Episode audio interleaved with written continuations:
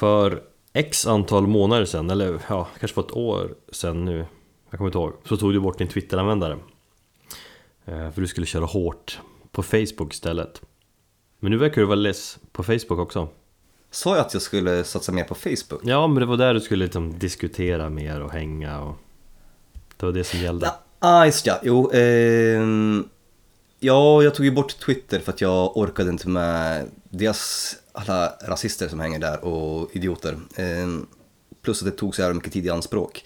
Och så startade jag Doom-fronten, den gruppen som vi diskuterar musik. mm.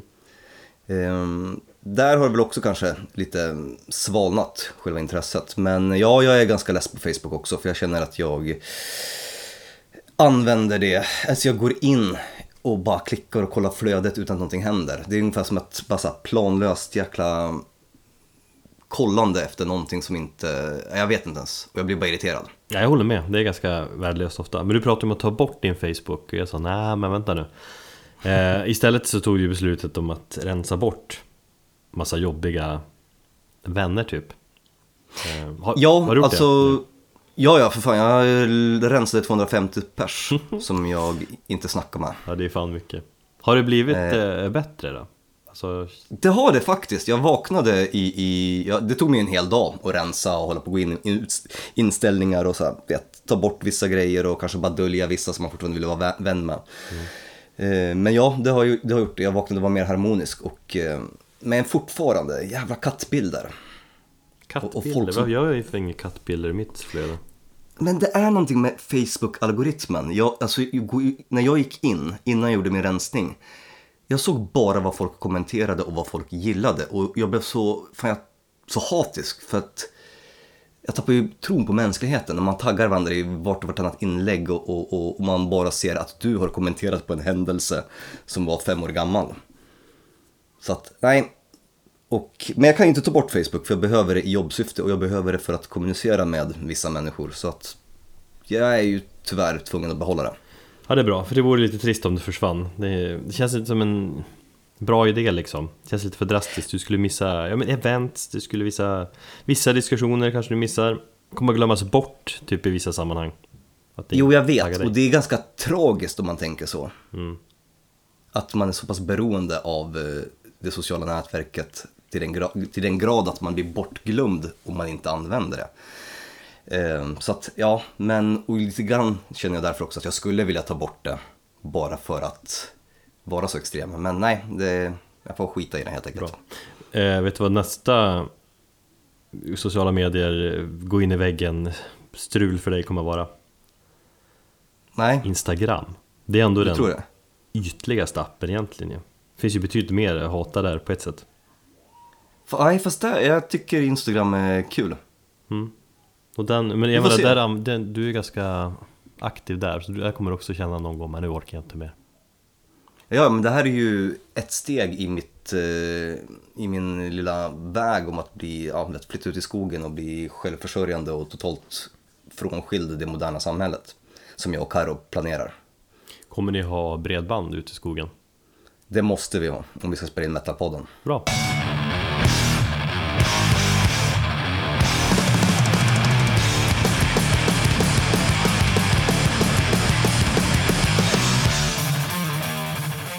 Välkomna! Du lyssnar på avsnitt 56 av Metalpodden. Podden där jag, Erik och min eh, partner in crime, Thomas, snackar om det vi känner för inom den musiken vi älskar. Precis. Tilläggas eh, också att vi finns på Instagram, Facebook och Twitter. Ja, eh, Så följ oss gärna där, för där är vi aktiva och ibland har vi ju tävlingar där man kan vinna grymma vinyler och allt sånt där va just ja, precis. Och i samband med avsnittet så kommer vi även ha en liten tävling. Så ni kan vara med och vinna, så håll utkik. Mm. Och då kan jag också på, eh, påpeka att eh, kika in eh, på vår hemsida metalpodden.com om ni vill hålla er uppdaterade på ja, de aktuella albumreleaserna som kommer i höst. För att just det här avsnittet kommer bli ett litet avsnitt där vi eh, ja, tar upp musiknyheter och eh, det blir lite blandat va? Musiknyheter, det blir lite bäst just nu, pepp och allmänt bra och härlig ny musik. Det blir lite allt möjligt, exakt. Mm, Eh. Gott och blandat. Vet du vad jag kom fram till att jag hatar precis innan vi körde igång det här avsnittet? Jaha, Apple Music. du gör det? Och vet du varför jag gör det? Do tell me. Därför att jag ville se eh, Queens of the Stone Age nya video som eh, Jonas Åkerlund har gjort. Okej. Men den finns fortfarande bara exklusivt på Apple Music. Så jävla dåligt. Ja, det är ju så det kommer vara framöver. Ja, samma sak med Lars Ulriks eh, radioprogram som sänds på det där eh, Beats One heter det va? Som om jag fattar rätt är Apple Musics exklusiva radiostation. Mm. Eh, Alltså jag köper ju samtidigt att att det är smart av Apple, det lockar ju liksom nya användare så. Fan jag har ju till och med funderat på att skaffa Apple Music igen. Men utifrån liksom, Igen? Du har haft det? ja jag testade en gratis månad sen. Alright. Men liksom, om- utifrån Metallicas sida då, om de vill att liksom Lars Ulrik ska nå ut till så många som möjligt så fan Lägg ut en vanlig podd eller något sånt där istället för in i Apple Music Och Queens of the Stoners vill att alla ska se deras nya video som Åkerlund gjort Smacka upp den på Youtube jag, För det här är Men, exklusiva, vad fan ja men vad fan, det tar två minuter så är det någon som har rippat den och lagt ut den på YouTube. Fast det är ju inte någon som gjort det än Och det har ju gått typ två veckor En vecka, Jaha. två Okej. Ja, nej men jag, jag tror att det, det är liksom the way to go för att eh, en stor aktör, Spotify eller ja, Beats eller Apple Music kommer betala för att få exklusivt innehåll under en viss begränsad period innan det släpps på, på andra eh, plattformar. Ja Och det tycker jag är irriterande Ja, men fan, Josh Ho- Homey skrattar väl hela vägen till banken. Jag antar att Apple Music ger han lite cash för det hela Det tror jag. Det är fel Josh Det är fel Du, absolut, ja, nu när vi ändå snack, snackar om eh, Queens of the Stone Age, för det har ju varit lite diskussioner på just Facebook om den nya plattan och då vill jag bara säga, vilket överskattat band. Ja, Jag vet att du inte håller med mig Nej. och alla kommer nu bli jättearga på mig, men jag vill bara säga att jag tycker de är sjukt överskattade. Vet du vad jag också hatar? Det är den här Kaius mot Queens of the Stone Age diskussionen Som är så jävla meningslös Ja, det är jättemånga som, som håller på att jämföra dem, ja absolut. Det är lite så här folk som, när Metallica släpper nytt och bara ja men eh, Metallica var bra Fram till eh, när Cliff dog, alltså att man håller på Jag kanske inte kan jämföra på det viset Men eh, alltså, Jag fattar vad du menar. ja, Bara för att han är på något sätt, eh, eller att han är med i bägge banden, eller har haft en stor påverkan på bägge banden. Jo men verkligen, men det går inte att jämföra. Alltså man Man vill liksom att, eller de som håller Kajo så jävla högt liksom De vill ju att eh, Josh ska lira stoner rock Mm. stilen. Men då Då blundar man ju i sådana fall för liksom Josh Hommes utveckling som musiker och gitarrist. Det är liksom alla dessa jävla pårökta stoner-rövar som, som fortfarande spisar Kajus nonstop som håller på sådär Gå vidare! Men är den bra då, plattan? Ja, det är helt bestämt men. Jag, jag måste komma in i den mer, men spontant känns det som deras eh, CC Top-platta.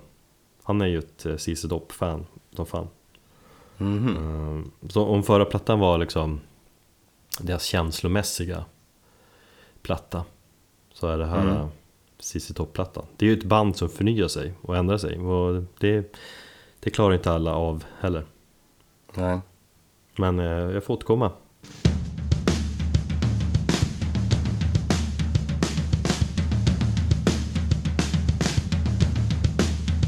Ska vi snacka lite Mastodon? Det tycker jag. Såg du Brent och Bill i säsongsavslutningen i Game of Thrones som levande döda? Ehm, Tuttar och drakar menar du? Mm. Jag såg eh, Brent, för han gick ju knappt att missa. Nej, Bill eh, stod bredvid och hade liksom lite mer peruk. Var det, var det Bill som var med? Jag tror det var Braun. Nej, det var Bill va? Det var därför jag inte såg honom, för att jag letade efter Braun. Eh, Men det är ju andra gången de är med Och jättetydligt också, de stod ju liksom längst fram bland alla Tusentals eh, zombies där eh, Tredje gången tror jag, jag tror att de var med, typ alla fyra var väl med första gången. Sen så var Braun med en gång ensam har jag för mig. Och sen så nu var det Bill och eh, Brent. Vem i serien är stora Mastodon-fans och låter dem synas sådär? Det vill jag veta. Det står Det säkert någonstans. upp. Ja. Jag kan tänka mig att det står i någon intervju. Men det är lite coolt. Uh, något annat som är coolt är att Scott Kelly ska vara med på den turnén de gör i Europa i höst. När de kommer till Just ja. eh, Stockholm 19 november tror jag. Har du köpt biljett? Det har jag inte. Ehm, om allt går som det ska eh, tidsmässigt så ska ju min andra son komma den 17 oktober, vilket gör att ungefär en månad senare så är det en konsert. Jag hoppas kunna gå på den, men jag vet ju inte hur det kommer vara. Så att jag får ty- tyvärr vara avvaktande och så får jag väl göra som du gör och köpa en biljett i sista sekund på, på T-centralen. Jag köpte faktiskt eh, min biljett idag för att vara lite så här eh, vanlig. Ja, men ja, jag sa ju lite skämtsamt att, eh, i förra avsnittet att ja, mm, jag inte kommer gå på konsert på väldigt länge och det kan ju för sig stämma för att jag kommer behöva prioritera men är det någonting som jag ska försöka prioritera så är det faktiskt den här spelningen med Mastodon och just att Scott Kelly kommer vara med. Ja, Jag skulle, jag skulle jättegärna vilja se den.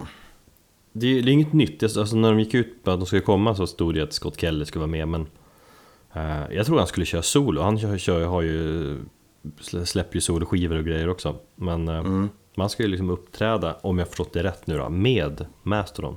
Och det vore ju coolt eh, om de kör alla låtar då som han har varit med på. Han har ju han har ju varit med och sjungit på en låt från varje skiva förutom Remission, alltså första plattan. Just ja. Eh, och de har väl släppt sju skivor. Mm. Så det skulle bli sex låtar. Om de skulle köra alla dem. Om, om de gör en sån grej, man leker med tanken. Då kan de köra låtar som eh, Crystal Skull och eh, Crack the Sky Ja, den skulle jag jättegärna vilja höra. och Spectre Light där. Mm.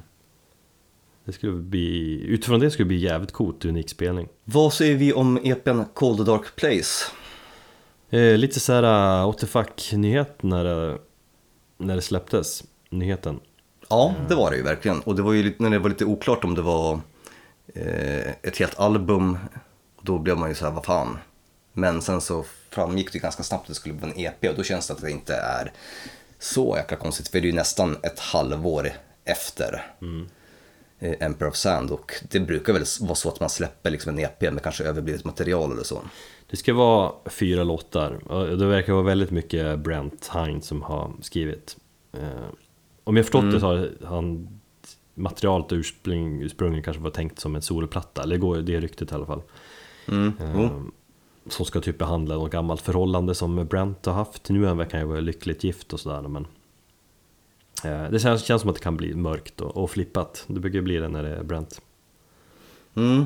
Jag tror att det var, men jag tror också det snackades om någonting om att det var eh, det, eller musiken skrevs också, eller det var överblivet material från både en låt var hans eh, överblivna material från Emperor of Sand och sen så var resten från, de tre andra var från förra plattan. Once more around the sun, ja precis. Mm. Eh, nej men det blir coolt. Det, det, man får känslan att det kommer att vara lite annorlunda. Ja, det, det verkar ju som om man kollar på omslaget också. Mm. Men man tackar aldrig nej till nytt eh, med Mastodon. Nej, det gör man fan inte. Eh, och ja, jag tänkte på vår lilla teaser som, vi, eh, som jag la upp här nu precis när vi ska spela in det här avsnittet. Så trodde ju folk att vi skulle börja spela musik från just den EPn. Mm. Nej, det... Eller kanske, om jag lyckas få tag på den nu innan helgen. Innan jag ska börja klippa avsnittet. Men annars så får ni faktiskt hålla er till godo. I så fall kommer den nu, annars kommer någonting annat.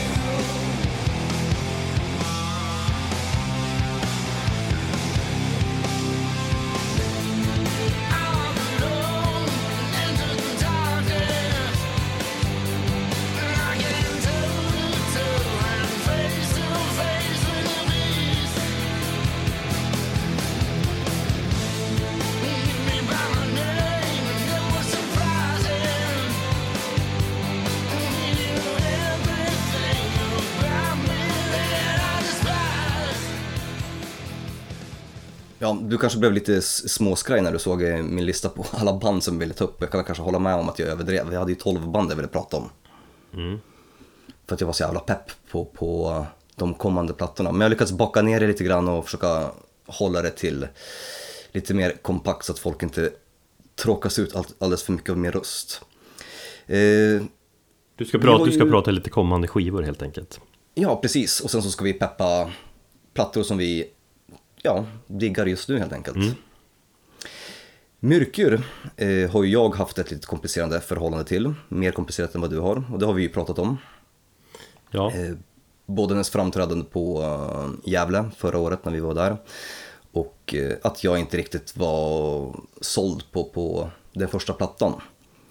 Det har kommit att vändas lite grann för mig nu för att eh, Märerit eh, som kommer nu den 15 september tycker jag är väldigt bra. Eh, dock vill jag då framhäva att hon fortfarande inte spelar black metal. Eh, och det blir ännu tydligare på den här skivan. Det är väldigt mycket folkliga inslag, det är väldigt mycket... Alltså hon har ju...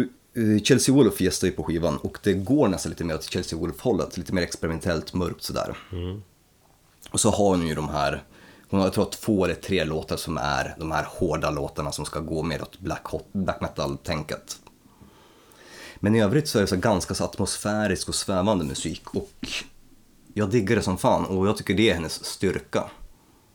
ja det ska bli intressant. Jag gillar ju, som jag sagt tidigare, väldigt mycket kontrasten mellan det här äh, lugna och det här hårda och så. Men, eh, och jag till skillnad från dig då var ju jävligt begeistrad i hennes debut. Men eh, ja, den här skivan, vad heter den? Mer, Mererit.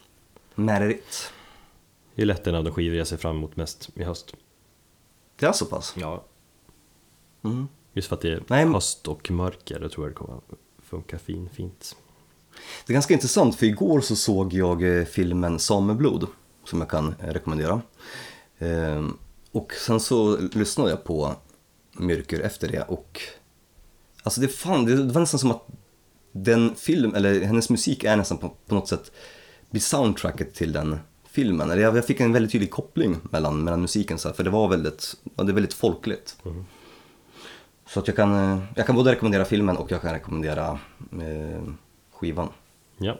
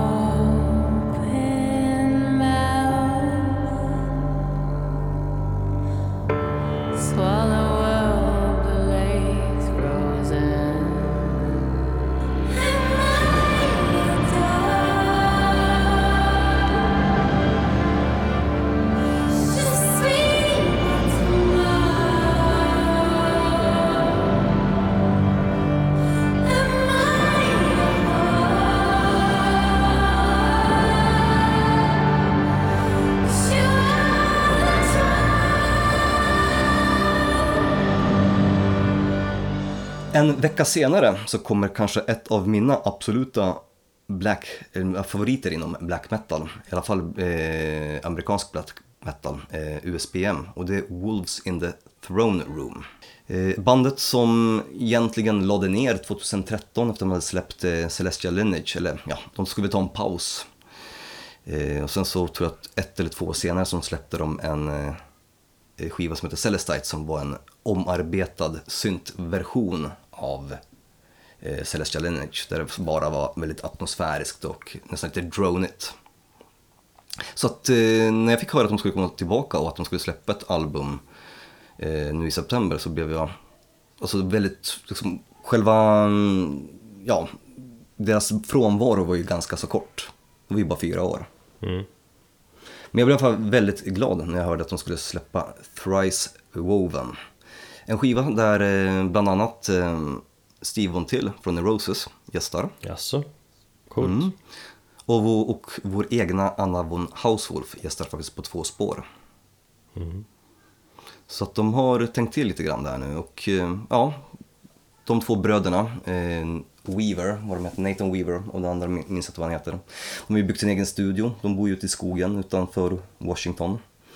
Och eh, ja, koncentrerar sig helt och hållet på att leva ja, på skogen och eh, vet, roadkills. Det är så jag vill leva. Och göra musik på, på, på eller göra metalpodden på kvällarna. Ja, det skulle faktiskt vara kul om du gjorde slagsaken. Är Ditt barn är fortfarande vaken hör jag bakgrunden. Ja, ni får tyvärr ursäkta men det har varit ett smärre helvete här. Klockan är ju mycket! Ja, han vägrar gå och lägga sig. Vi har bråkat konstant sen jag hämtade honom från förskolan. Och nu klockan Och det ro- i detta nu 20 över 9. Ja, och vi har försökt att få honom att sova sen klockan ja, åtta. Skaffa aldrig barn. En eh, kul grej som hände här precis när vi började spela in var att eh, min sambo släppte sig och han blev jätterädd och började gråta. Då började jag asgarva. Men han var helt förkrossad. Eh, Och jag var tvungen att trösta honom, men jag kunde, jag, jag ramlade ihop på golvet och började, de vek mig dubbelt. Det är roligt vi fisar. Tillbaka till eh, Wolves in the Throne Room. Nej men jag är super eh, glad att bandet är tillbaka och jag tycker att de egentligen, ja de har väl bara tagit vid där de lämnade musik, musikaliskt alltså, 2013. Jag lyssnar ju en del på dem eh, sen du peppade bandet i den här podden för något år sedan, eller så. Eh, jag gillar ju det här ambient, atmosfäriska stuket som kör med. Eh, så ja, det är kanske är någonting jag lyssnar på också. Det tycker jag och eh, speciellt låten där St- Steve Fontill eh, gästar tycker jag är jävligt bra. Ja, framförallt den måste man ju lyssna på. Så att vi lyssnar lite grann.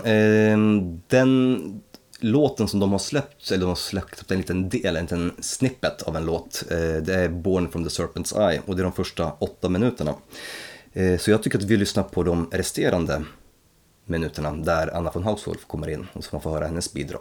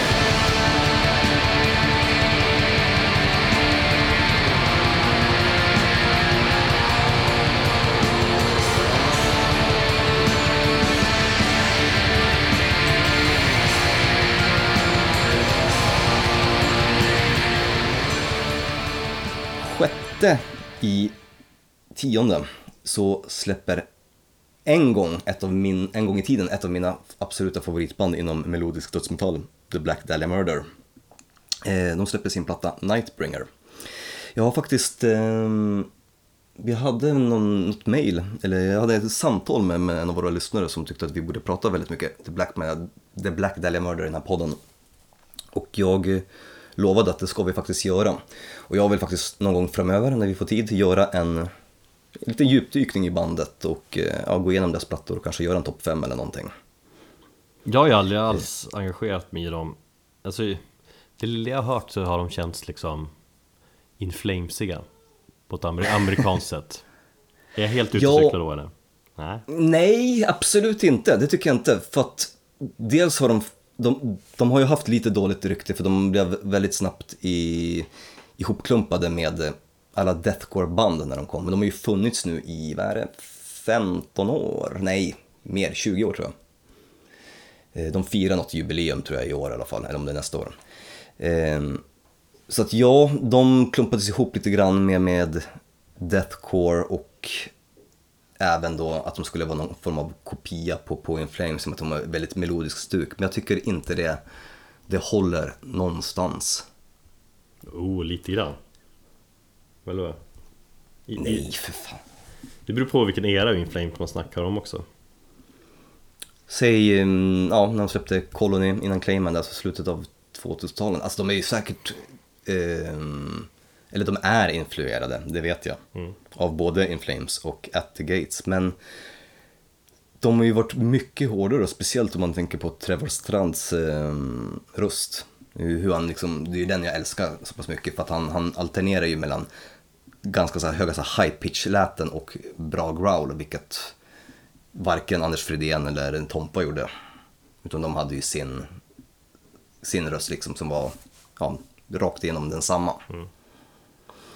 Eh, innan då Anders Fridén började sjunga rent. Men absolut, eh, visst kan man väl säga att de, att de är eh, influerade av eh, Inflames och att det finns många likheter där.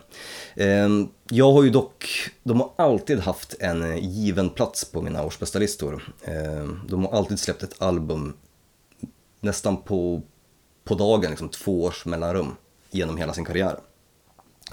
Och det är ju kul på ett sätt för man hade alltid en platta varannat år, men det kändes också som att de ibland skulle behöva ta en paus. För de senaste två plattorna, både Everblack och Abysmal, där tappade jag intresset för dem, för de började trampa väldigt mycket vatten.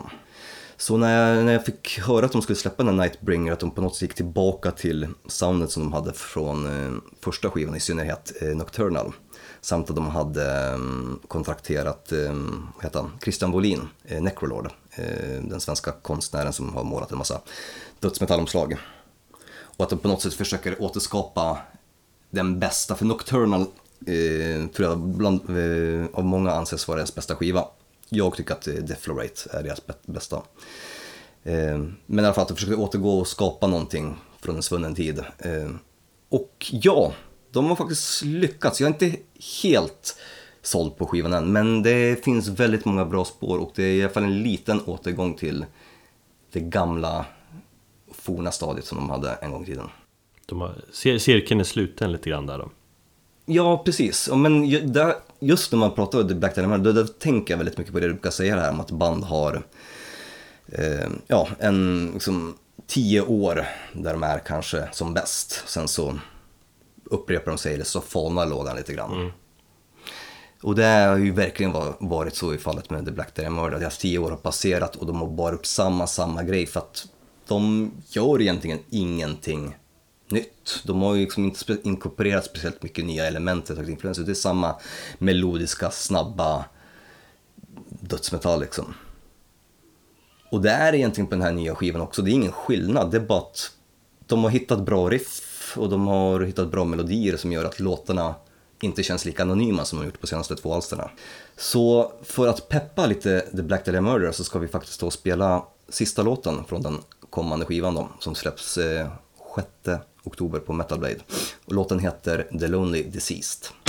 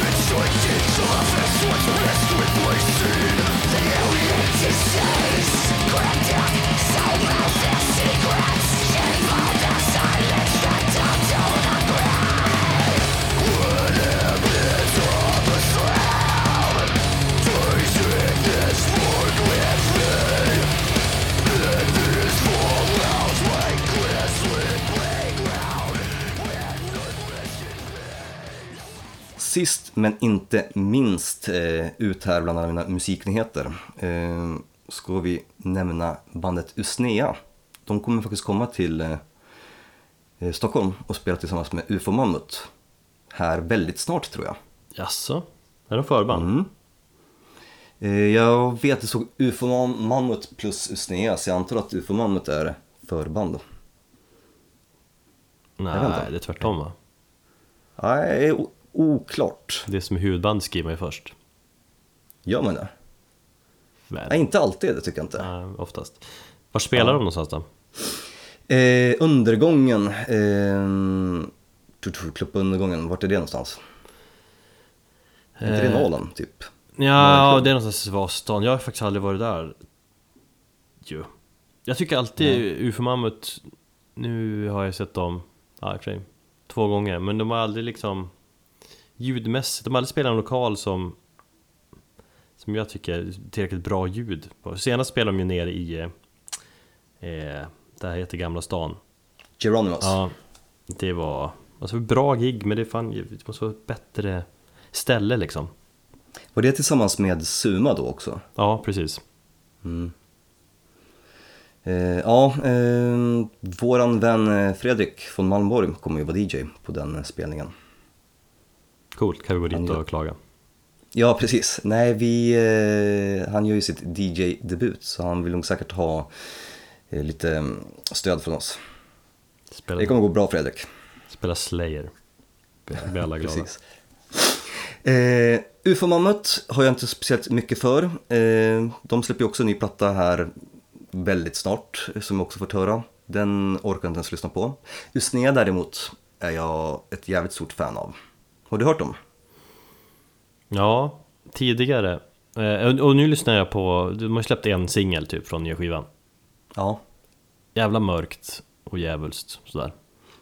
Precis, det är liksom en blandning mellan, jag skulle säga, ja, Neurosis, I Hate God. Ja, för du har ju den här nihilistiska och det här misäriga från I Hate God, men du har även Eh, väldigt mycket atmosfär och den här lite mer post-metallkänslan. också. Deras låtar är ju, jag tror det är den här nya skivan, Portals into Futility då, som kommer 8 september. Eh, Det är fyra spår och jag tror den längsta är 20 minuter och den kortaste är typ 10. Så det, det är musik som verkligen så här bygger upp och den är ju superlångsam och bygger upp stämningar också. Men fan vad det är bra när det verkligen, när de har byggt upp under fem minuter med bara kanske några så svävande effekter och sen så, så kommer liksom tunga riff och, och en jävla massa growl och skrik. Det är sjukt tungt. Då tycker jag de är riktigt, riktigt bra.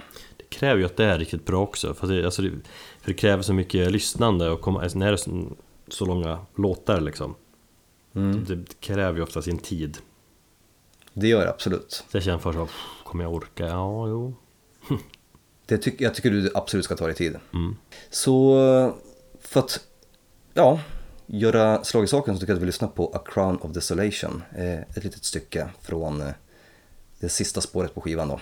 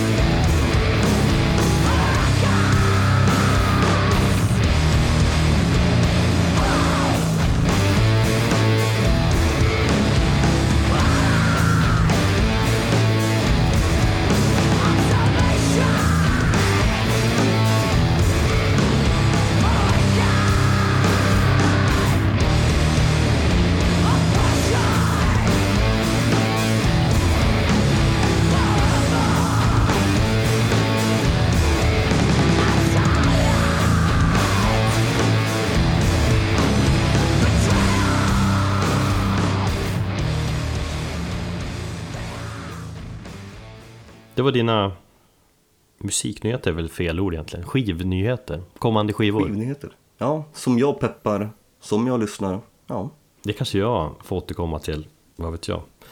Eh, Men vi brukar ju med jämna mellanrum i den här poddens historia snacka lite musik som vi gillar extra mycket just nu. Precis. Eller bäst just nu. Och det tänkte vi göra idag. Fan, det är mycket musik som har kommit, så mycket musik som kommer. Det är ändå höst liksom. Det är då det är bäst att vara musiknörd.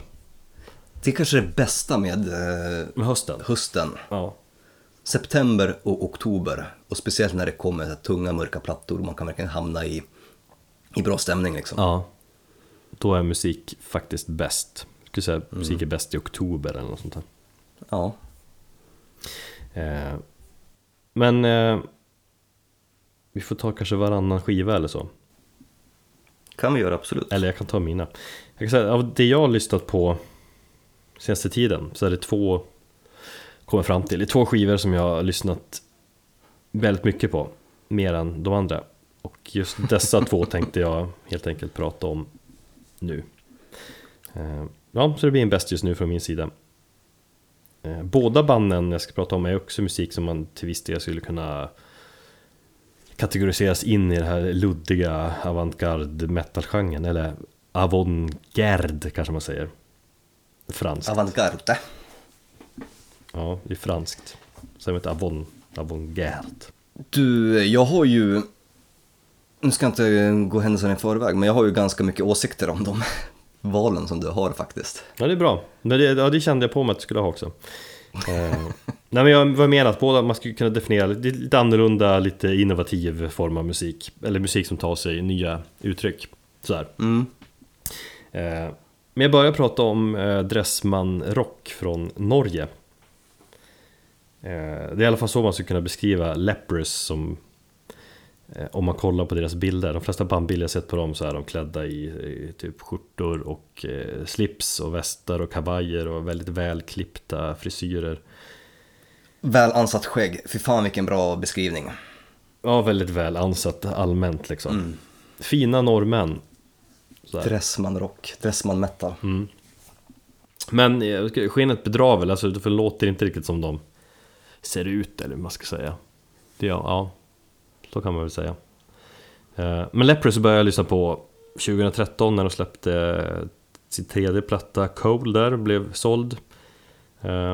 Cold bjöd ju på så här tung progressiv metal med mycket vemod.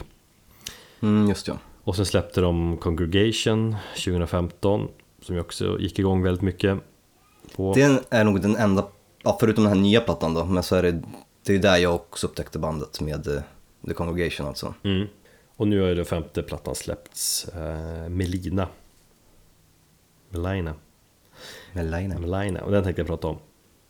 De, de kategoriseras ju in framförallt, eller när man läser om dem, att det är ett progressivt metalband.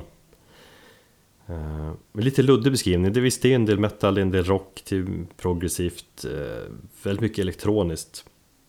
Men framförallt känner jag att de går mycket sin egen väg också, de utforskar liksom mycket vägar som eh, ja, inte så många andra band gör. Nej, precis. Så på det sättet känner jag väl att Leprous är ganska nyskapande och innovativ och så. Man kan väl säga att experimentell rock kan man slänga in i den här genregrytan också. Finns det inte någon så här, någon element av Muse i deras musik? Eller är jag helt ute och cyklar? Ja, och kanske på sången då.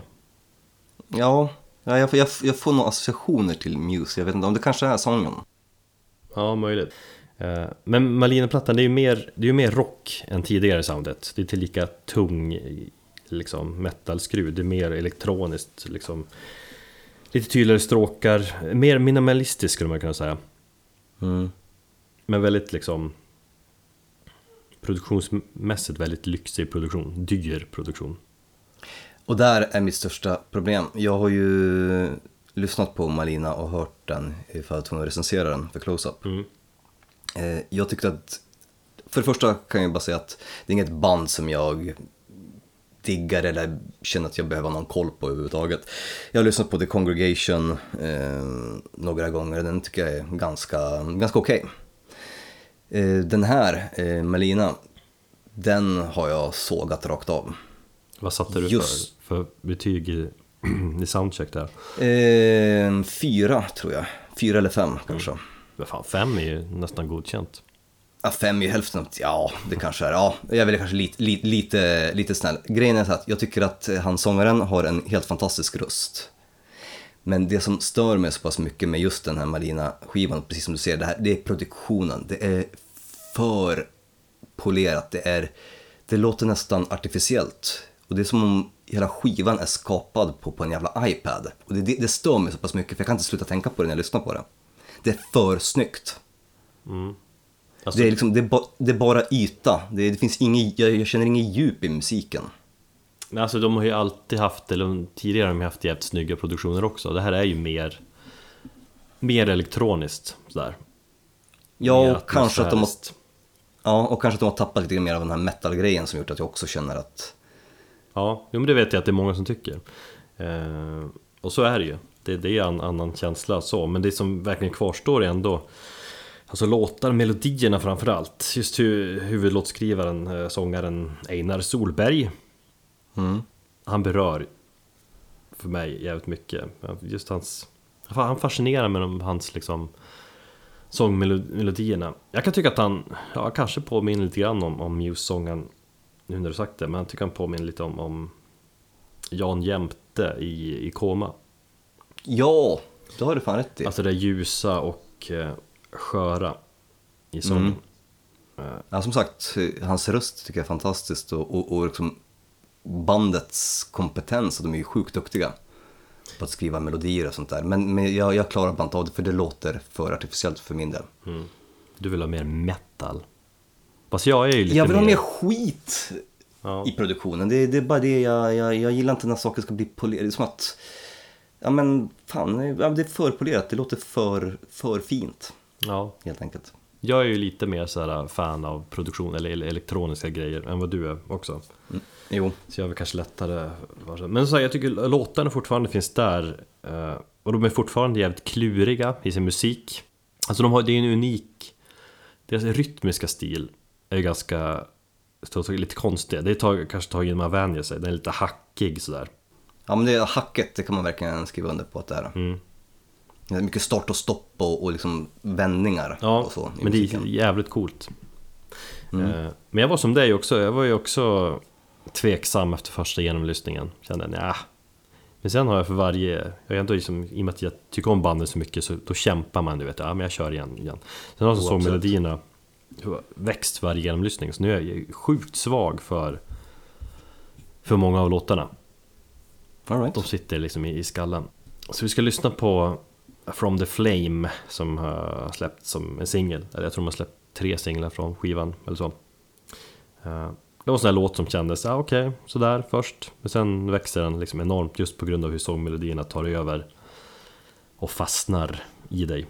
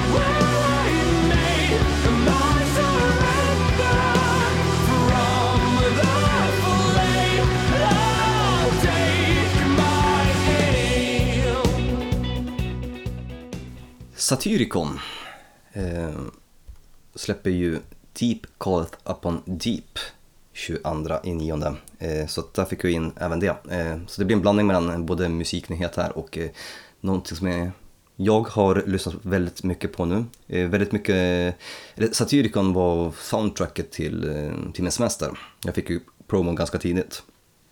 Så under hela min vistelse i villaförorten i Västerås och mina skogspromenader på kvällarna så lyssnar jag på skivan. Eh, den är för mig jag tyckte den var helt fantastisk när den kom och de första genomlyssningarna. Nu kanske intresset har svalnat lite grann och jag har börjat liksom beta eller liksom analysera den mer och kanske hitta lite mer fel. Jag tycker att det är en väldigt bra skiva, men det finns vissa saker som inte är helt gjutna och det är bland annat tycker jag att de har misslyckats ganska så fatalt med låtordningen på skivan. Och det är någonting som jag hela tiden återkommer för att de har två stycken starka öppningsspår. Sen så kommer det tre stycken lugna låtar efter varandra för att sen avsluta med två starka låtar igen. De skulle ha blandat ut det lite mer. Så att det blev mer upp och ner och sådär. För nu känns det som att man får upp två stycken låtar som man lyssnar på och, och liksom kommer igång och sen så tappar skivan fart som fan. Och då börjar, blir det liksom att den, ja, det känns också som att de trampar vatten och sen så avslutar de på topp på något sätt. De kanske Det- försökte göra något annorlunda där och som man normalt kanske inte gör. Men, eh, och så funkar det inte i, i egentligen. Ja, men det är möjligt. Alltså jag vet ju absolut att de har ju definitivt testat på någonting nytt och utvecklat egentligen tänket från eh, förra självbetitlade skivan mm, ytterligare.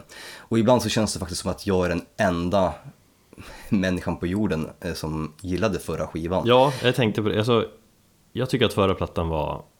Alltså den var trist. Jag, framförallt, jag gick ju inte igång på produktionen. Ja, jag alls. älskar den, att, det, att den är så jävla analog. Jag menar om man jämför med Age of Nero hette plattan innan va? Ja, Den tyckte jag var svinbra. mm. Och så sen lite här, ja, men, eller så var det bara fel tillfälle. Just kanske mycket musik då. Jag lyssnade igen den en gång och kände att, alltså förra plattan. Och jag kände att nej, det här var, det här var trist. Eh, jag så jag, jag sån- frågar om just hur är produktionen på nya? Den är ja, bättre, vet jag i och med att jag tyckte att produktionen på förra var bra. Den är, den är lite fylligare om vi säger så.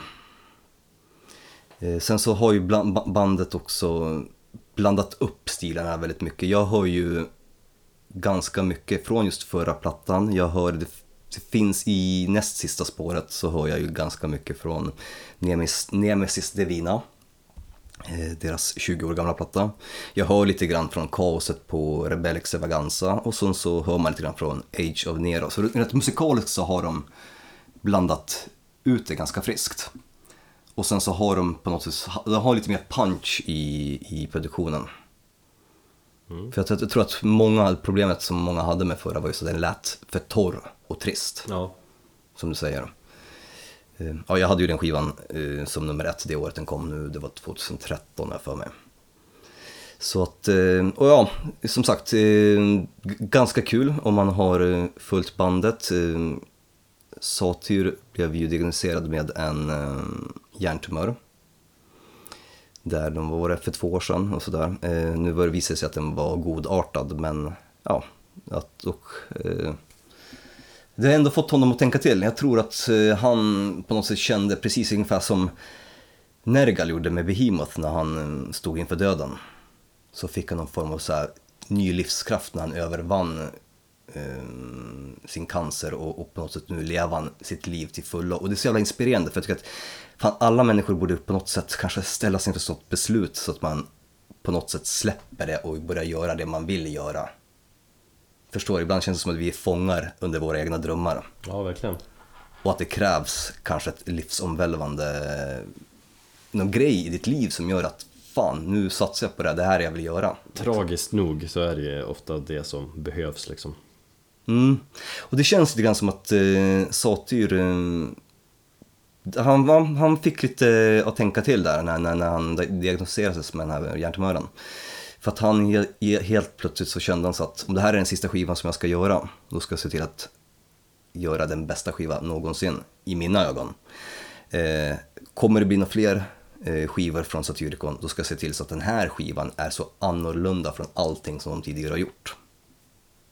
Och han ville verkligen utmana sig själv. Ehm, Sigurd, det heter han väl egentligen va? Bon- Bongraven. si, ja, precis. Fan, om det är någon av våra lyssnare som ska åka till Norge och, och vill köpa en flaska vin på Systembolaget där från, från graven så hojta så swishar jag över pengar. Jag vill ha Satyricon-vin. Det går att köpa på systemet här. Nej. Det gick tidigare. För massa år sedan. Ja. Ja, jag tror att det är bara begränsat. Jag tror du kan köpa det på import i så fall. Men annars så tror jag det är bara begränsat till eh, eh, Norge just nu. ja. Skitsamma. Eh, nej men så, att- som sagt, och det som jag tycker är lustiga är att när de släppte omslaget till skivan så blev det ju ett jävla ramaskri. Eh, de riktiga puritanerna eh, som diggade mm, Satyricon kring där, ja, The Shadow Throne och de tidigare plattorna, de har väl kanske lämnat bandet för länge, länge sedan. Om, om inte då så lämnar de i alla fall med förra skivan. Jag tycker att bandet är jätteintressanta för de går emot allting och vad folks förväntningar och gör någonting väldigt eget. Och sånt där går jag igång på väldigt mycket. När man visar finger åt typ allt och alla. ja, verkligen. Speciellt inom den genren de verkar också. Ja, och det, det blir någon form av paradox där att eh, black metal, då ska man ju vara väldigt rebellisk och gå emot allting men helt plötsligt ändrar du ljudbild så blir alla black metal-fanatiker sura på dig för att du ändrar ljudbild. Det, är liksom, det säger, säger emot sig självt. Men Satyricon tycker jag för mig, de utvecklas och är fortfarande superintressanta för att de gör Ja, de, alltså det känns logiskt hur deras steg har gått om man lyssnar på plattorna från, från, ja, från första plattan till, till nu. Och jag tycker att om du tar till exempel som ett band som Masteron eller ja, vilket annat av våra favoritband som har verkat under väldigt lång tid att det finns här, eh, klara perioder. Ja, men här har vi en eh, liksom, black metal-perioden, här har vi black and roll-perioden och nu är det någonting nytt. Dark Throne har ju också så att de har ju black, eller dödsmetall, black metal, sen så har de sin punk, krustpunk, sen hade de sin heavy metal och nu är det doom-period liksom. Och Satyricon gör någonting, någonting eget. Ja, men hur skulle du liknande. vilja... Jag tror jag, eh, jag är väl störst fan av deras black and roll om man säger så då. Hur skulle, Satyricons? Ja, och hur skulle du vilja, vad kan man sätta för stämpel på det här nya? Eh, oh, jag vet inte. Eh, I och med att den går väldigt mycket i, i samma spår som, som förra plattan, men ändå inte. Så att det är någon form av, eh, fan vet jag, artsy fartsy black and roll nu. Kanske man kan säga det. Eh, men det var kul det här med omslaget, att folk liksom direkt började skrika sellouts och det var det fan det fulaste omslaget och man kollade på deras eh, kommentatorsfält på, på Facebook. Eh, och ja, där blev det också en anledning till att man vill lägga ner med Facebook för man blir fan mörkrädd för folk, hur trångsynta människor är. Det är black metal-folk är ju sådana. Ja, men alltså nu tror jag inte ens att det nu är det vanliga hårdrockare också. Som, som, som bara skri, skriker hur fan vilket fult omslag, hur fan kan ni göra så här, bla bla bla. Vad är det för lökig albumtitel? Det är ingen som fattar någonting liksom. Man, åh. Nej, jag blir bara... och för att, ja, den här eh, albumomslaget, det är ju en norsk konstnär och det är ju en det är ett motiv som målades någonstans på 1865 eller någonting, så det är 140 år gammal eh, teckning som de har lånat till det här albumomslaget. Och albumtiteln Deep Calleth Upon Deep handlar ju från, från det djupaste av själen hos Satyr till det djupaste av själen hos lyssnaren. Så det är någon form av själslig connection som man söker efter. Lite spirituellt. Och jag, han har ju blivit spirituell, eller han har ju varit, haft lite de här spirituella frågorna, eh, eller livsfunderingarna på, på de senaste mm, plattorna. Så, och jag tycker att det kommer in här också. Ja, alltså jag har inte sett skivomslaget förut, utan jag tittar på det nu. Men ja, jag förstår att det, att det är annorlunda, men det var ju coolt. Jag tycker det är asballt. Jag har bara sett senaste bandbilden när de står typ vi säger, typ nere i, det ser ut som att de står nere vid en brygga och, och eh, Frost, Frost frost, fackla. Ja, eller om det är Sator som håller i facklan Men det känns lite så här bara norrländsk eh, midsommar och nu ska vi ner och bada Ja, men lite så är det. Ja, Och sen så tycker jag Frost är en riktigt cool trummis eh, och hans trumspel kommer verkligen till sin fulla rätt på den här skivan. Fan vad han smattrar på ibland liksom och, och gör coola grejer tycker jag. Finns ju få trummisar som imponerar så mycket live som just hur Frost när han liksom helikopter-headbangar konstant han, och spelar sina, sitt dubbeltramp. Det är jävligt coolt. Nej men med det sagt så tycker jag att vi lyssnar på låten Dissonant.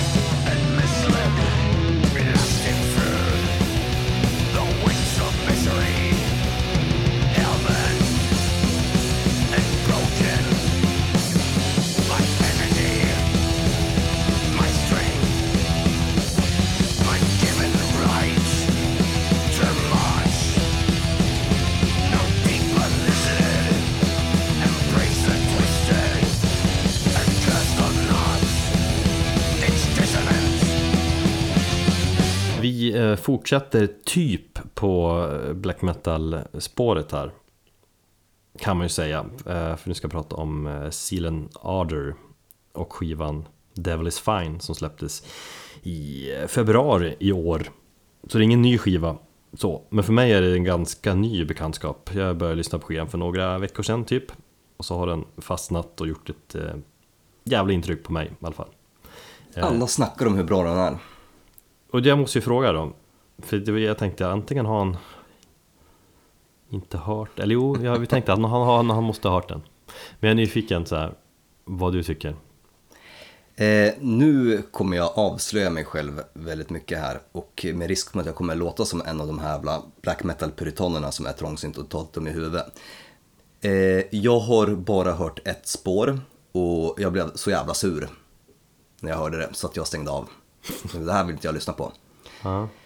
Eh, jag eh, undvek dem på Roadburn trots att alla sa att det var typ en av, deras, en av de bästa spelningarna Ja. eh, under hela festivalen. Grejen är det här att, ja som sagt, med risk att göra mig ovän, men svart musik, afrikansk musik och black metal, du, du kan inte blanda ihop de två genrerna. Du har inte sylt på bacon. Det är bara en sån grej som säger sig själv, man har inte det. Du kan inte ha black metal och afrikansk musik eller soul, gospelaktigt eller vad det nu ska kallas. Ja, jag har jättedålig koll på det. Det kanske funkar, ja jag vet inte, men jag bara tycker att det är två stycken totalt diametrala motsatser som, som inte funkar med varandra. Alltså, black metal handlar ju om att det ska ju vara ren ondska. Ja visst, jag vet inte. Afrikansk musik, om det finns så mycket ondska i det, det finns det säkert också men jag, jag, tycker inte det gifter sig speciellt bra. Och det är min största, mitt största problem. Jag gillar ju, alltså jag tycker att du liksom Du känner sånt hat till det, du känner såhär det här är så fel så du pallar bara lyssna på en låt. Eh, det var typ så jag tänkte beskriva de här De här eh, riktiga true black metal killarna, eller fansen Att det är så de har reagerat. Eh, men det var så du reagerar. Det är ju roligt Ja, eh, men ja, det är som sagt, jag har ju ibland svårt med eh, black metal och shoegaze. Alltså visst får du utveckla black metal och jag, jag älskar när band utvecklar en stil och gör någonting nytt med den. Som Satyricon gör med, med, med sin med sitt liksom, eh, med sin black metal. Hur Dark Throne har gjort och hur till exempel black metal har utverk, utvecklats i USA när du har det mer atmosfäriska eh, som band som liksom Wolves in the Throne Room och, och Uada och alla sånt där. Men ja, jag vet inte, black metal och shoegaze, black metal och afrikansk musik, nej. Det, det, det går inte, det gifter sig dåligt. mm, Jag tycker att det gifter sig fantastiskt bra Så vi, vi kanske får återkomma till diskussionen Eh, Men Silenario i alla fall, det är ett, ett enmansprojekt av en snubbe som heter Manuel Gagno eller något sånt här Gagno All right. Eh, han spelar allt och sjunger allt, gör allt på skivan. Eh, Snubben som härstammar från Schweiz men som numera bor i New York om jag har förstått det hela rätt.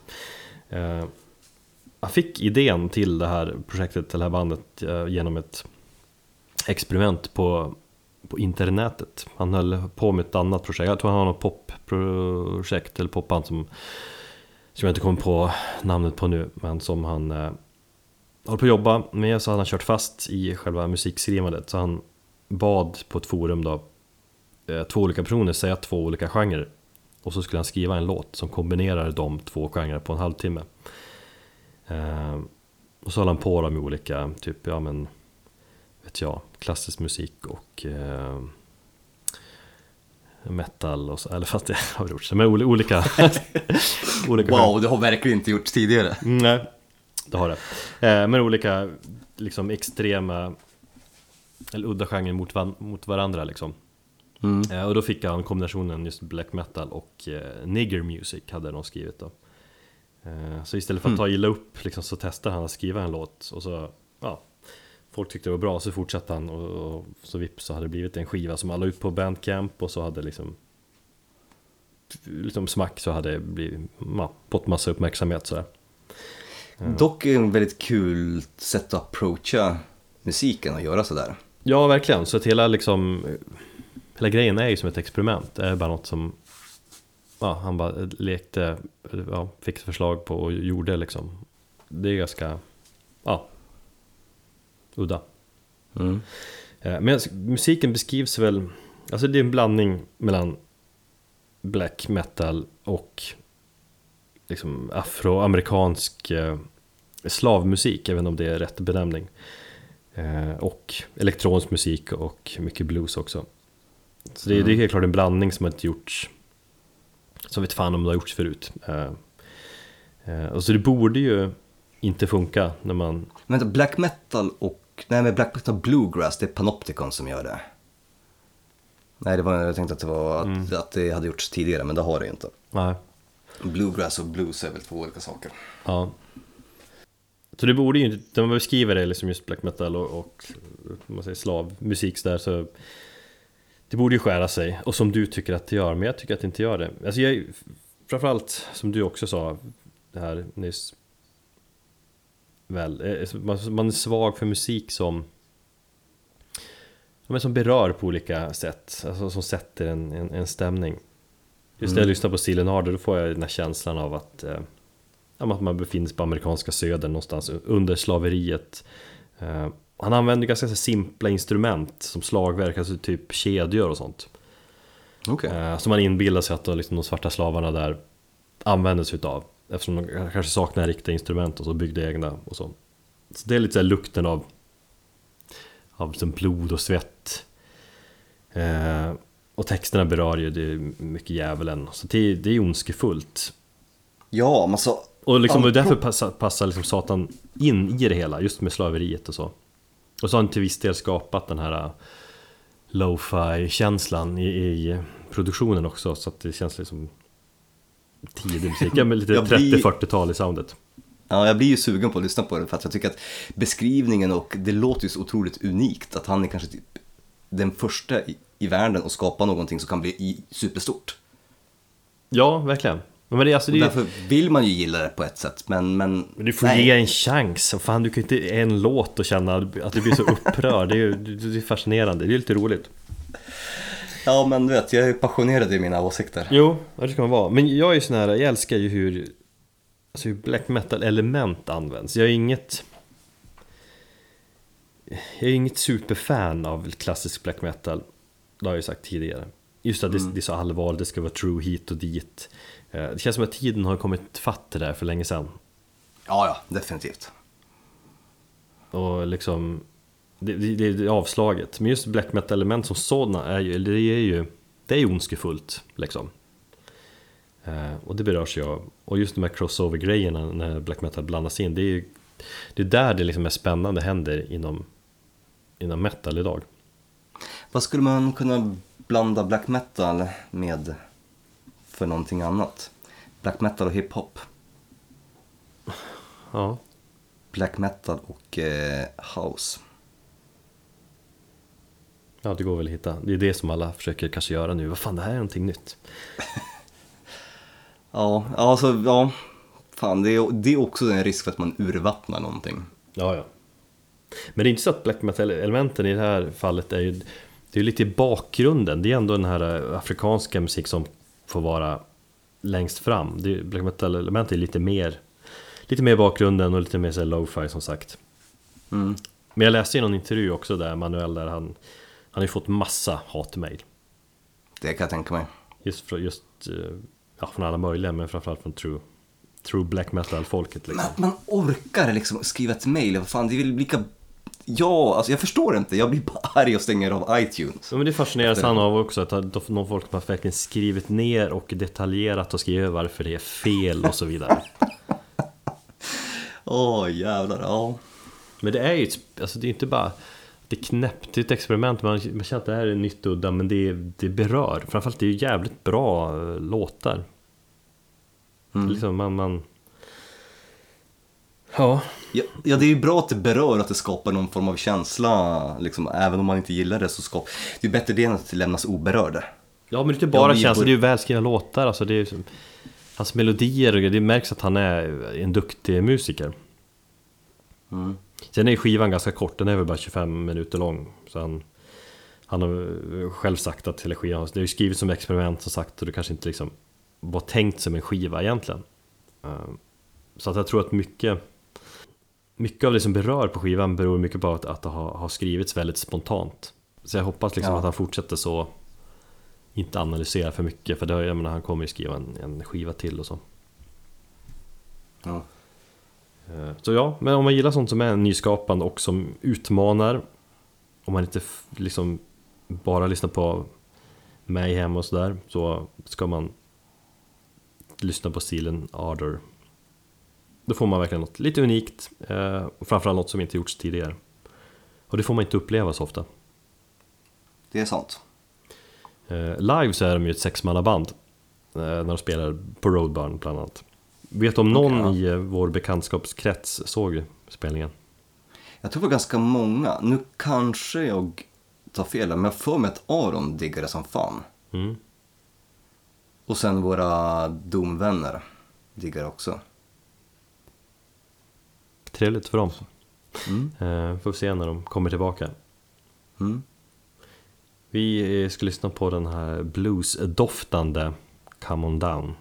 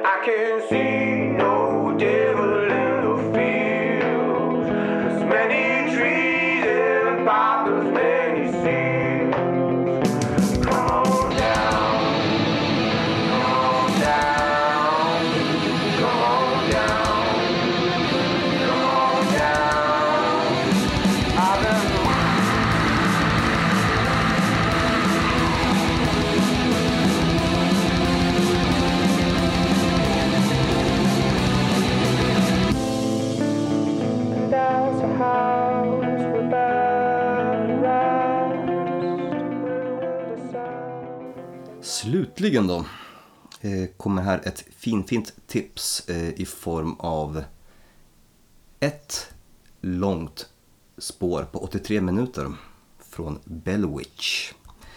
Skivan Mirror Reaper släpps 20 oktober eh, på Profound Lore.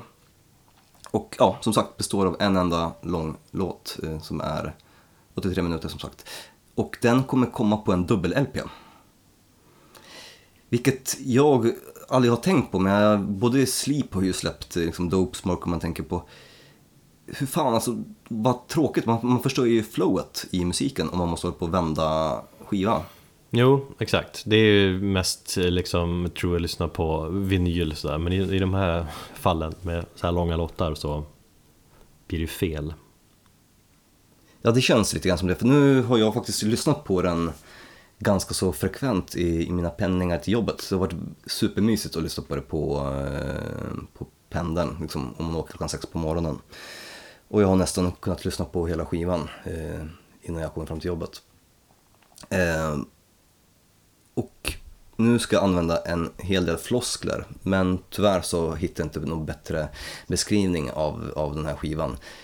De här 83 minuterna känns inte som 83 minuter utan det är verkligen som att lite grann som att tiden stannar när man lyssnar på den.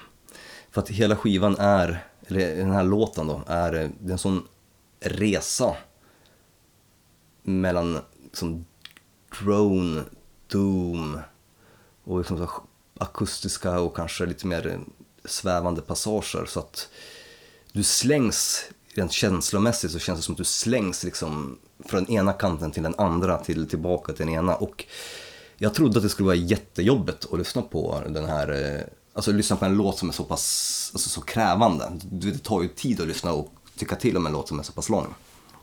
Ja, Men, alltså, förra plattan For Phantoms tog ju liksom Det krävde sina lyssningar men man blir ju belönad Ja, precis. Och, och, ja, intressant att du nämner Four Phantoms för att den skivan, de tre första låtarna kan jag väl, men det är fortfarande, en- i och med att den också är så pass lång den skivan, den är ju kring en timme eller lite mer tror jag, 66 minuter eller någonting har jag för mig, eller 64.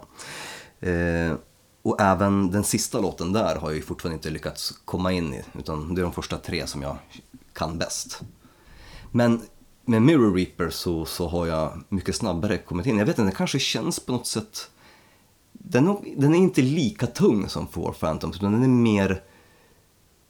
Den är mer, eh, jag tror att som sagt den är lättsammare på det sättet att du, i och med att det, det kommer in väldigt lugna passager och väldigt mycket drone i, i, i musiken så på något sätt så är det upp och gör att den här 83 minuterna inte känns så pass jobbiga att ta sig igenom. Jag har ju fått känslan av Eller jag har trott i alla fall att den här skivan skulle kännas Väldigt mörk eftersom Trummisen var det som dog Tro, ja precis, eh, Adrian Guerra. Och de har en ny kille, eller de är ju bara två stycken Eh, Nej men att det som hände här skulle påverka soundet så mycket, eller i alla fall texten, att det skulle kännas liksom nattsvart och eh, Men de kanske tagit en annan approach till hela Eh, den känns faktiskt inte lika mörk som eh, Four Phantoms. Four Phantoms tyckte jag var, alltså den kunde i stundtals vara ganska så jobbig att lyssna på. Rent känslomässigt så tyckte jag den var rätt krävande. Ja. Och det gör inte Mirror Reaper. Det är fortfarande, alltså de utforskar ju döden fortfarande och väldigt mycket olika teman om, om saker och, och, och, och vad som kan hända på andra sidan så att säga. Eh, på andra sidan livet. Eh, Men någonstans så finns det kanske någon gl- alltså en liten glimt hopp eller någon liten stråle ljus som gör att det inte känns fullkomligt så, så tungt. Eh, Ja, som sagt, ja, Adrian Guerra gick ju bort där, vad var det? Det var i början av förra året. Eh, Ja, då hade vi till och med pratat om eh, i ett avsnitt där att jag hade ju ynnesten när jag fick chansen att se honom innan han gick bort när de spelade. Känslan var ju också att bandet skulle läggas ner då Ja, lite så. Och, och nu när jag så tittar tillbaka på det så är jag så otroligt glad över att jag, att jag får jag fick se bandet och jag fick se honom. För att min blick var egentligen hela tiden fäst vid, vid, hans, eh, vid honom när han spelade och inte på den andra killen i bandet. Men jag tror att eh, han som spelar på trummor nu, jag, det kan, du sa att de var en duo, jag är inte riktigt säker på det. Jag tror att de har i kanske livesammanhang så är de en trio, för de har tror jag, kontakterat en ny kille på trummor, men de har även någon som kör eh, typ orgel och synt, eller ja, orgel blir det då. Eh, för de har lite sådana mm, passager i, på den här skivan också. ja. Och då har jag läst någonting om att de har eventuellt eh, kontakterat eh, en kille som spelade på deras första demo eller någonting. Han var tillbaka i bandet men bara i livesammanhang. Ehm, och så har de ju använt sig av Adrian Guerras eh, ofärdiga sångmelodier som han hade, de hade kvar från förra inspelningssessionen. Så att han är ju med på den här skivan. Och båda, båda trummisen, eller båda sångarna får ju plats. Både Adrian Guerra har ju, har ju sin, sin plats i början av eh, de första 20 minuterna tror jag. Sen så kommer den andra nyrekryterade killen in och, och sjunger eh, mot senare mot slutet. Okej. Så det är coolt att de fått använda honom och de har ju använt honom som ett form av ett, ett spöke för att på något sätt hedra honom och, och låta hans, hans ande vara med i musiken och fortsätta leva i bandet en stund till. Men hur mycket har du hunnit lyssna på skivan då? Du har väl inte haft den så länge? Eh, Jag har nog, eh, fast jag har faktiskt lyssnat på den väldigt mycket på jobbet. Det har varit väldigt eh, skönt att ha den i bakgrunden när jag jobbat. På något sätt har det blivit jättebra bakgrundsmusik. Alltså jag har lyssnat på den fem, sex, sju gånger kanske. Mm. Så jag fick den, så att den har snurrat flitigt. Jag har somnat in den till den några gång- gånger också. Skönt. Mm. Och omslaget måste vi prata om. Det är så otroligt fint. Jag vill köpa vinyl, vinylen bara för omslaget. Det är Mariusz Lewandowski, eh, den polska konstnären, inte den polska fotbollsspelaren som har gjort det. Mycket polska eh, konstnärer har jag märkt nu i, i metalsammanhang. Jaså? Mm. Bland, bland annat han, de använder ju... Ja, det finns en, en, en, hel, en hel del polska så här, ganska så obscena och morbida konstnärer som har gjort eh, rätt, så, rätt så schyssta artwork. Mm. Ja, alltså... Jag hade glömt bort skivomslaget, men eh, nu när jag googlade upp det så kom jag på att det där gick jag igång på som fan. Eh, Just när de gick ut med eh, att de skulle släppa skivan. Det är så jävla snyggt. Ja. Det Alltså, är just- förresten också Leprous senaste plattan. Riktigt Omslaget? Ja, riktigt jävla snyggt omslag också. Nej, jag tyckte inte det. Jag, jag du tänkte tyckte fan det. ingenting är bra med Leprous. Jo, jag tycker att de har schyssta kläder. Det tycker inte Det är alls. bra, det är bra annons för, för Dressman. nej, alltså, nej, men eh, nej, jag vet inte. Jag, jag, jag gick inte igång på, på omslaget. Jag satt här och, och tittade faktiskt på det innan vi började spela in det. Och tänkte, jag fattade ingenting med det. Men, men, vad fan, jag, jag, jag är en ja, trångsynt eh, black metal-artist, vad vet jag. Ja, det är något sånt. Det är jävligt snyggt i alla fall. Fuck you! Ja, fuck you. Eh, Bellwitch, eh, perfekt eh, månad att släppa i oktober. Och jag som sagt, det är fan viktigt att ska du släppa Doom så ska du fan släppa det på hösten. Du kan inte göra som Catatonia och släppa The Fall of Hearts typ i april eller maj. Det går inte. För jag tycker faktiskt att man förlorar lite grann av känslan om, om, en, om en skiva kommer typ i fel säsong så att säga. Exakt, när man tar ett par ljusa lager och åker ut till till havet ska bada lite grann, då kan man inte lyssna på mörk musik. Nej, precis. Och jag tänkte också på Paradise Lost som släpps imorgon blir det. Eh, De, ja, det är också så perfekt nu när det är sånt där pissigt väder. Mm. Så med det sagt så ska vi lyssna på hela låten. Nej, det ska vi inte, för det har vi inte utrymme för. Men eh, vi ska lyssna på ett parti där som kommer in kring 30 minuters sträcket. Eh, som är jättefint och jag tror att det är precis då också Adrian Guerra sjunger, eller brölar kan man säga. De sjunger inte utan han growlar ju mest bara ut olika läten. Så med det sagt så det får nästan bli avslut för det här avsnittet, eller hur? Ja, det var trevligt igen. Det var det faktiskt. Jag har faktiskt peppat och det har varit skönt. Jag får upp suget och bara köra varannan vecka nu. Det, det kanske blir bättre det här. Mm. Och du ska gå och lägga dig. Nej, du ska gå och pack, packa för imorgon ska du åka till Köpenhamn och se Metallica. Nej, inte imorgon, på lördag. Imorgon ska jag åka till Köpenhamn och dricka lite öl och ha det trevligt. Sen dagen efter ska jag se Metallica i Köpenhamn. Fan vad kul. Ja, det blir, det blir roligt att se dem för, vad är det, 17 gången. Men då kanske vi får möjlighet att äh, återkomma till det gigget. Det kommer jag absolut. Ta mycket bilder och lägg ut jättemycket händelser. Nej, jag tar några bilder och filmar lite grann. Sen njuter jag av konserten. Jag är inte så som du som lägger upp halva konserten som händelser på Instagram. Fuck you, det är ju bara 15 sekunder korta klipp. 30 stycken sådana så blir det ganska mycket. Det var inte 30.